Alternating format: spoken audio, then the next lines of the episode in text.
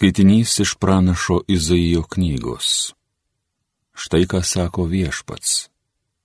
Kaip lietus ir sniegas nukrinta iš dangaus ir tenai nebegrįžta, bet žemė drėkina, kad dyktų ir želtų, kad sėklos atneštų sėjėjui ir duonos pavalgiai, taip žodis išeinas iš mano burnos, jisai pas mane nesugrįžta bergžės.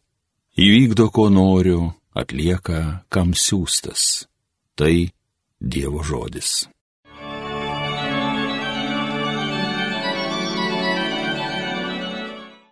Iš visų nelaimių viešpats gelbi teisiuosius. Su manimi visi šlovinkit viešpatį, aukštinkim viešpaties vardą kaip vienas. Viešpaties ieškau, jis atsiliepia ir išvaduoja mane iš baisybių. Iš visų nelaimių viešpats gelbi teisiuosius. Žvelkite į jį ir jums nušvis veidas, nebeteks rausti iš gėdos. Štai vargšas šaukės ir viešpas išgirdo, iš visų bėdų išvadavo, iš visų nelaimių viešpats gelbė teisiuosius. Į teisiuosius viešpats žvelgia maloniai, ausys jo, girdi jų šauksmą. Nuo piktavalių nusigręš viešpaties veidas ir niekas nebeminės žemė jų vardo. Iš visų nelaimių viešpats gelbė teisiuosius. Šaukės teisėjai, juos viešpats išgirsta, iš visų nelaimių juos gelbė, artimas viešpats sugrūdusiai širdžiai. Išvargintas sielas pagydo. Iš visų nelaimių viešpats gelbė teisiuosius. Šlovėtau Kristau, amžinosios garbės karaliau. Žmogus gyvas ne viena duona, bet ir kiekvienu žodžiu, kuris išeina iš Dievo lūpų. Šlovėtau Kristau, amžinosios garbės karaliau. Iš Evangelijos pagal matą Jėzus kalbėjo, Melsdamiesi nedaugia žodžiaukite kaip pagonis, jie tarėsi bus išklausyti dėl žodžių gausumo. Nedarykite taip kaip jie Jums dar neprašęs, jūsų tėvas žino, ko jums reikia. Todėl melskitės taip, Tėve mūsų, kuris esi danguje, tiesie šventas tavo vardas, te ateinė tavo karalystė, tiesie tavo valia, kaip danguje, taip ir žemėje. Kasdienis mūsų duonos duok mums šiandien ir atleisk mums mūsų kaltes, kaip ir mes atleidžiame savo kaltininkams ir neleisk mūsų gundyti, bet gelbėk mus nuo pikto. Jeigu jūs atleisite žmonėms jų nusižengimus, tai jūsų dangiškasis tėvas atleis jums. O jeigu jūs netleisite žmonėms, tai ne jūsų tėvas netleis jūsų nusižengimo.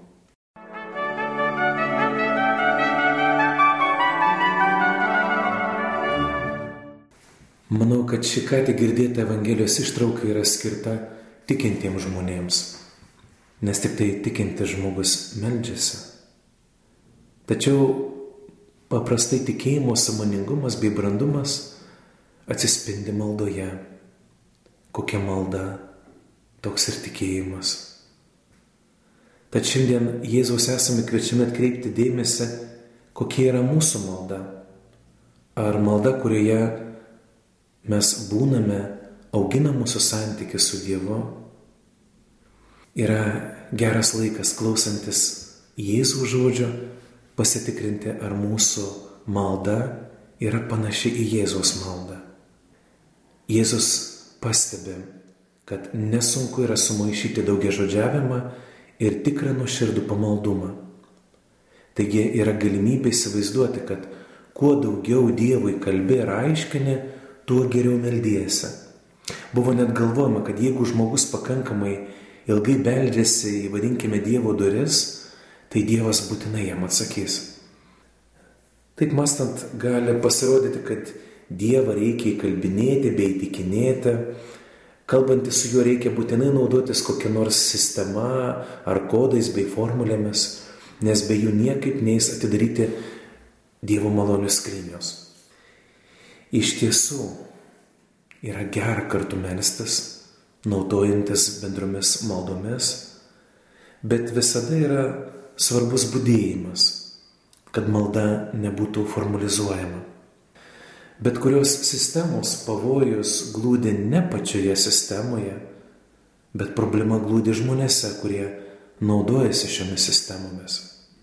Reikalingas nuolatinis stebėjimas ir atsinaujinimas ne tik tai technikos, kultūros ar įvairių atradimų srityje, bet ir maldos gyvenime. Beje, ir žydų rabinai pastebėjo maldos formalizavimo pavojų. Ne kai kurie, norėdami išvengti šio pavojus, kiekvieną dieną stengiasi kurti net savo maldas. Žmogus bet kurią sistemą gali panaudoti kaip instrumentą maldai arba kaip formalaus atlikimo priemonę. Rytų tautose ne tik tai Jėzaus laikais, bet ir dabar yra paprotys maldos metu įti į tam tikrą būseną, kartojant kelis žodžius ar net frazes. Yra pavojus maldoje save hipnotizuota, patirti tam tikrą tranzo būseną, bet ar tai iš tiesų bus malda? Juk kada besimeldžiantis labiau galvoja ne apie tą, kuriam meldžiasi, bet apie tai, kaip jis meldžiasi arba kokiu būdu meldžiasi, tai tokios maldos metu jis save pastato į centrą. Tokia malda miršta vos tik ištarus žodžius. Dievui skirtos maldos metu ne aš esu centre, bet jis. Jėzus taip pat kritikuoja demonstratyviai besimeldžiančius, tuos, kurie nori save parodyti maldos metu. Taigi venkime bet kokių maldos spektaklių ir pasirodymų. Maldoje esame kviečiami ne vien žodžiais, bet visų savo gyvenimu kreiptis į Dievą. Dažnai pagrindinė besimelinčių klaida, kurią pastebi ir Jėzus, yra ta, kad jie meldžiasi ne Dievui, bet žmonėms. Tad kur žmogus bebūtų, bažnyčioje, namuose ar kokiuose nors susibūrimo vietose, jis melstasi ilgai ar jo malda būtų trumputė, Labai svarbu, kad maldos metu visos mintis ir visas mūsų gyvenimas būtų nukreiptas į Dievą, atneštas į Dievo akivaizdą. Ir laikas, kurį mes būname maldoje, padovanotas Dievui. Taip pat turime nepamiršti, koks yra mūsų Dievas. Dievas, į kurį mes savo maldas nukreipiame, yra mylintis Dievas. Ką tai reiškia?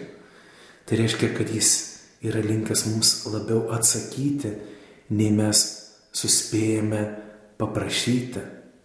Iš Dievo nereikia jėga ko nors išmušinėti.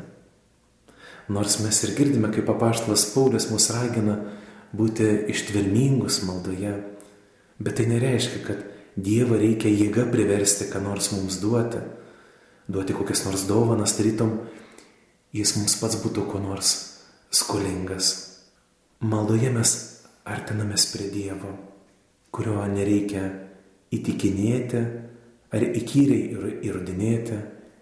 Dievui nereikia patikinėti savo darbo plano. Mes artinamės prie to, kuris yra pats davimas, kurio didžiausias troškimas yra duoti. Kaip tai nuostabu. Jėzus pasakė, aš atėjau, kad žmonės turėtų gyvenimą, kad apšiai jo turėtų. Jėzus atėjo duoti gyvenimą, duoti ramybę. Ir jis tą ramybę duoda visiškai kitaip nei duoda šis pasaulis. Šiame Dievo davime yra vadovaujamasi nenaudos ar kažkokių sugrįžtančių procentų logika, bet duodančios meilės logika. Dievas viską dėl mūsų padarė.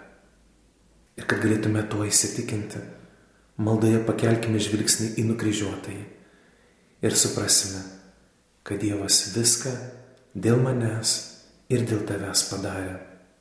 Maža to, Jis net mane ir tave, tai yra mus, melstis išmokė jis išmokė kreiptis į Dievą tais nuostabiais žodžiais.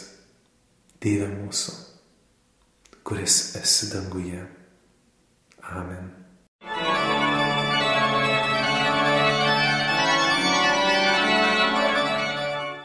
Homilija sakė kunigas Rolandas Karpavičius.